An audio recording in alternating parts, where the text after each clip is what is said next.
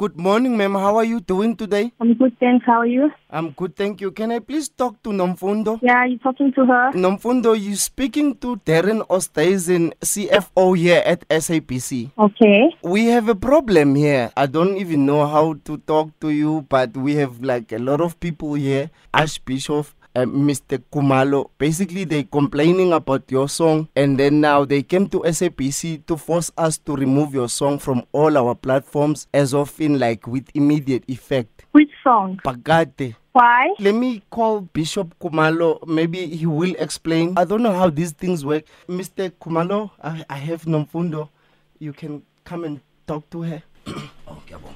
Ndodakazi niyaphila. Siyaphila baba njani? Awu siyaphila siyaphila egameni lenkosi. uBishop uKhumalo lo ngiphuma eh, lapha enhlanganweni abayibiza ngokuthi iSouth African Churches Organization SACO ngamafuphi. Yebo baba. Ehhe nengane yami cha inkinga esinayo la ile ngoma yakho esiyibonayo impela egcwele yonke indawo esesibone ukuthi njengamabandla ala eSouth Africa onkosi inokudukisa abantu ngandlela thize nkani yami ngoba phela sonke siyazi ukuthi iphakade lilodwa. linguJehova kuphela kekho omunye.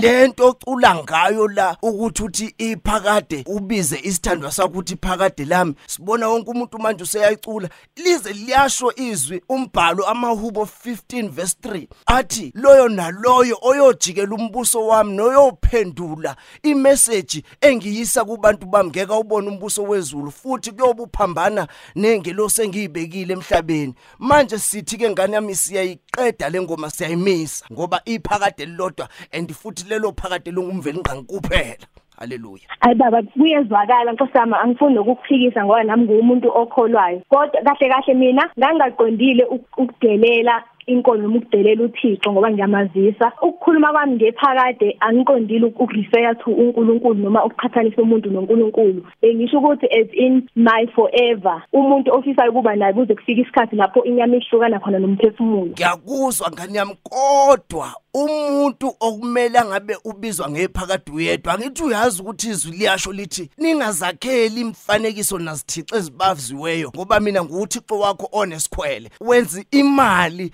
ngento kaNkuluNkulu ngoba phela uyadayisa manje la usuyahweba ngithi umculo uyabhukwa Yes. Angithi amadoda nihlale nithi mena trash. Kungani pho ungaculanga kanjalo? Boy ungathi ke mqomo kadoti kabuphilile nawe.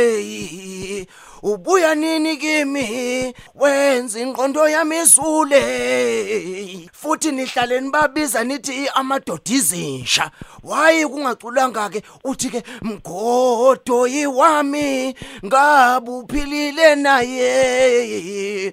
Ubuya nini wena? Mina ngikukhumbule.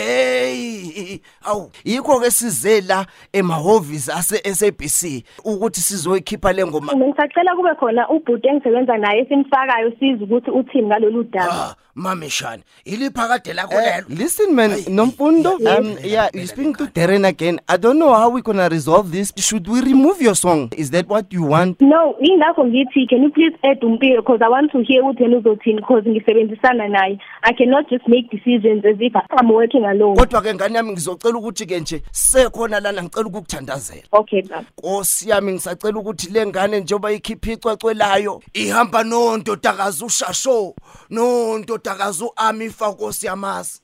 Ibiza wonke amadoda ngephakade amadoda awalungile emhlabeni. Oh shandarabaraba buboshi 124244242 manka la katoshi manaka bashopte bishokote basoma. Siyacela ke Thixo somandla njengamanje angathi ungayingcwelisa ngoba njengamanje uyazi ukuthi nomfundo kwenzakalani. Yebo baba. I-prank call le Usokhosini no. eshowini ka BK ku 12 to 3 kwekanye nawe.